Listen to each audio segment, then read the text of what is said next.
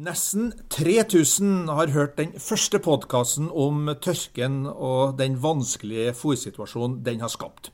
Nå har vi gått fra en eh, kriseforståelse til, til handling, og derfor denne del to av podkasten om eh, grovfòrsituasjonen, der vi først og fremst skal se på mulighetene som ligger nå i den situasjonen. Og, og eh, Jonny Ødegård, du er da konserndirektør, rådgivning og medlem i Tine. Hva har, hva har, denne situasjonen lært oss den siste måneden? Nei, han har jo, han har jo lært oss å å håndtere altså det er, en, det, er en, vanskelig type krise, det som kommer her, for Den kommer snikende. Eh, det å definere når er det det går fra å være en litt krevende forsommer og til å faktisk bli en fòrkrise. Det å være på vakt nok og oppfatte dette tidlig nok, har vi fått en god lærepenge i. Men når det er sagt, så syns jeg at eh, bondens organisasjon er samla, har håndtert dette ganske bra. Altså, jeg tror bonden kan være ganske stolt av samvirkeorganisasjonene og måten en nå Eh, når en erkjenner utfordringer, har jobba veldig godt sammen med å finne måter å hjelpe bonden på. Konkrete løsninger? Konkrete løsninger. Alt fra å, å hjelpe til med kunnskap, da, gjennom fagmøter, gjennom eh, informasjon ut til, ut til bonden, og til import av 30 000 rundballer fra Island, eh, med opsjon på ytterligere 20 000. Det kommer vi tilbake til mhm. senere, sikkert. Eller halm, halmformidling. Da, altså både både det praktiske og det teoretiske har vi hjulpet ganske bra med, tror jeg. Ja, og Nå tar vi dukker ned litt i de, i de konkrete handlingene som, som, denne situasjonen har utløst. Og um, Harald Volden, eh, sjef for fag og system i Tine. Skal vi starte med halmen? Hvordan, hvordan går det med, med, halmen både på tilbud- og etterspørselssida? Det sankes i hvert fall veldig mye halm om dagen. Og det, uten tvil så fungerer systemet med med tilbud og etterspørsel. Og som Jonny sa, altså landbruket har jo evna å sette dette nå i et system for å, at uh, kornbønder og husdyrbønder uh, sammen skal få samla fôr til, til, vinteren. Og Samtidig ser vi også det at uh, det er veldig mye personlig initiativ. Altså, vi vet at, at husdyrbønder i dalbygdene eh, tar direkte kontakt med kornprodusenter på, på, flatbygdene for å ordne seg halm. Så det, det ser ut som det, det, fungerer bra. og Reiser nedover i Østfold eller i Akershus, så, så ser vi det at det er jo ikke mange trøskerne som går med halmkuttere på. Så det er jo et tegn på at her eh, legges det opp til å samle halm. Mm.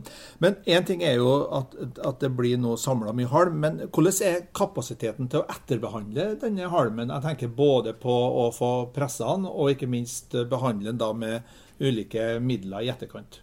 Der finnes det jo forskjellige alternativer. da. Det, det som er sagt, er at eh, kapasiteten på, på ammoniakkbehandling er eh, ganske bra. Men det er klart at uh, mye av den halmen som har, både har blitt høsta og blir høsta nå, den er, eh, den er, tørr. Sånn at du kan jo lagre den i ei tid før du også starter behandlinga. Så, så, det er nok ikke min eh, bekymring at vi ikke skal være i stand til å kunne behandle halmen. Også. Men har unge bønder i dag den kompetansen på lutehalm som, som vi hadde for 20-30 år siden?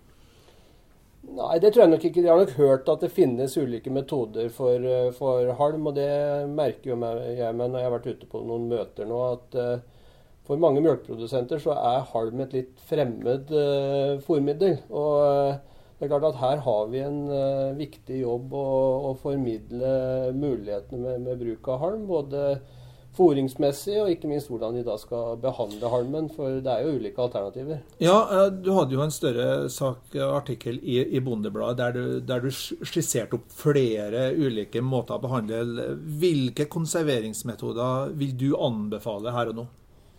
Veldig avhengig av hva du har tilgang på av teknisk uh, utstyr, og faktisk også hvor mye arbeid du vil uh, legge ned i dette. Det er klart det at uh, Legger du, legger du forholdene til rette for dyppeluting, så er det klart at det er det som gir den uh, Dyppeluting, det må du forklare. Ja, Det er at du rett og slett uh, bløter opp uh, halmen i en løsning med kaustisk soda. Og, og, du da rett og slett får økt fordøyelighet på, på, halmen. Og det dyppeluting, det er den som gir den aller høyeste fòrverdien, men som krever en, noe mer arbeid enn f.eks. ammoniakkbehandling.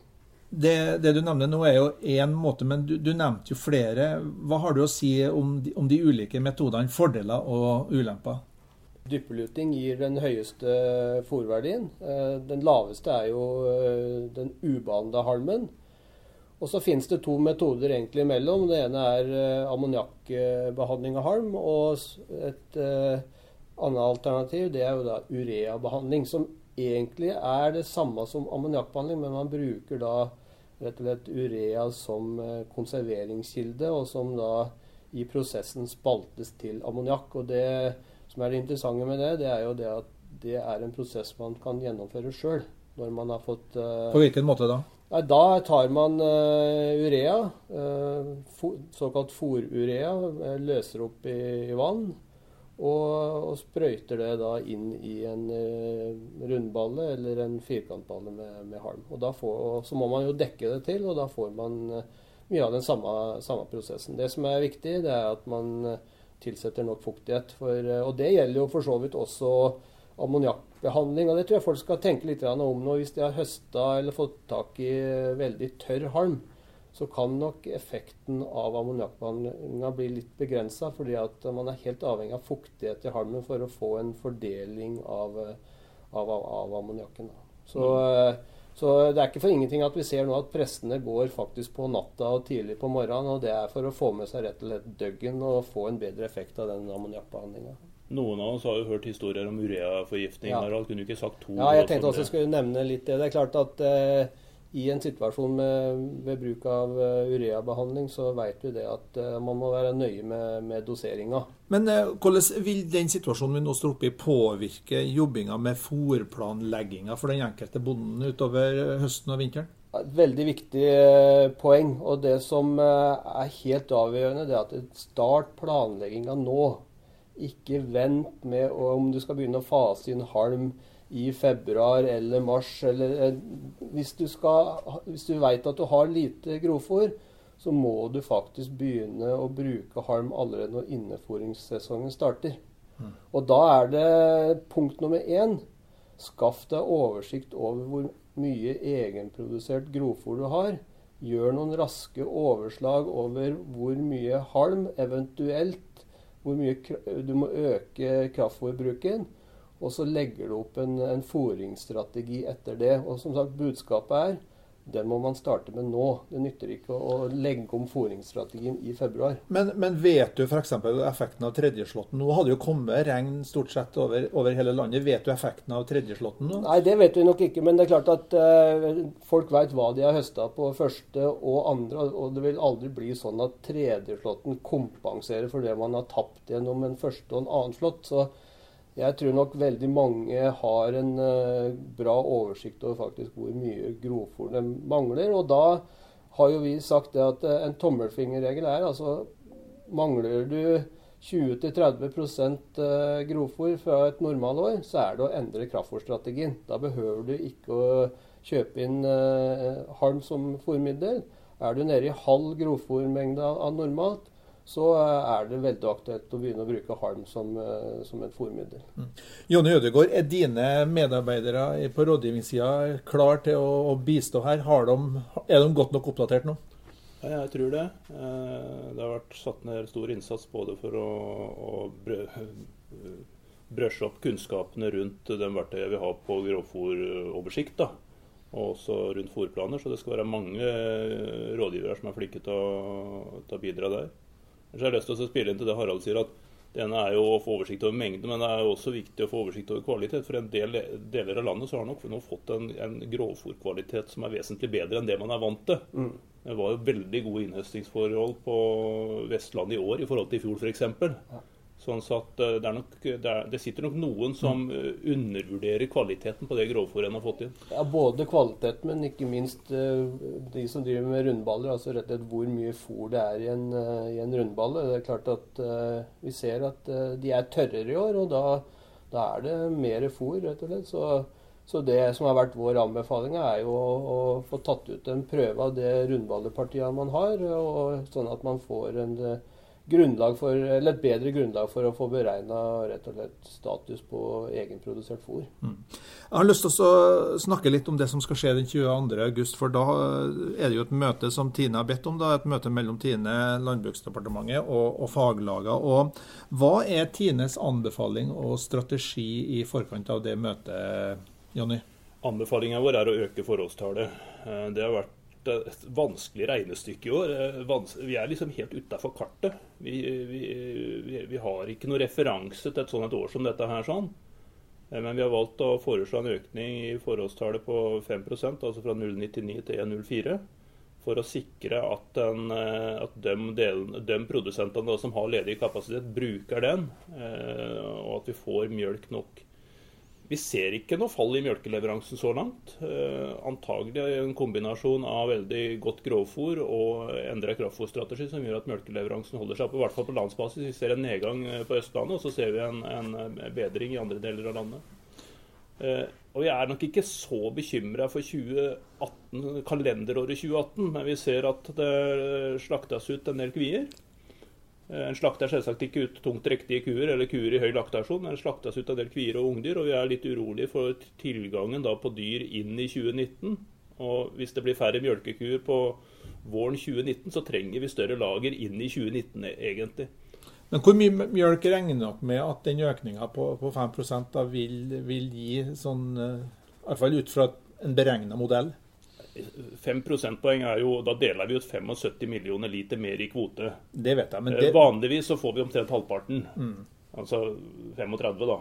Eh, nå tipper vi igjen en plass mellom 10 og 20 millioner liter som vi får ut av den økningen.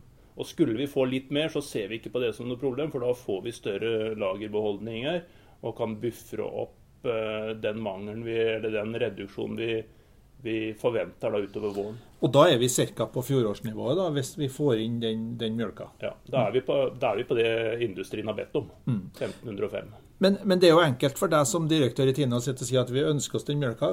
Hva tenker du om den frustrasjonen kanskje enkelte føler nå når de hører deg si at ja, vi skal øke produksjonen, og så vet de at de ikke har mulighet til å øke den produksjonen?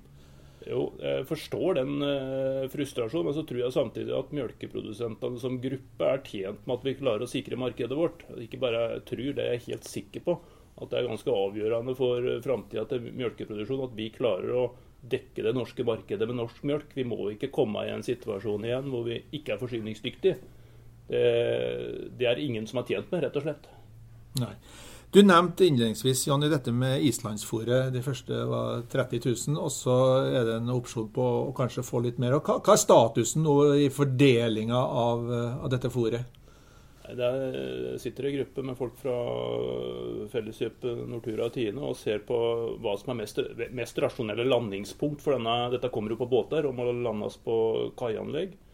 Eh, Felleskjøpet har ansvaret for å ta opp bestillinger, så vi får et oversikt over hvor, hvor etterspørselen etter dette er. Eh, og så vil, vil jo fôret da komme gradvis nå utover i løpet av de neste ukene. Og Så hørte vi at eh, landbruksministeren da har bestemt at det skal ikke være noe toll på importert eh, fôr, at det, det ordninga eh, forlenges.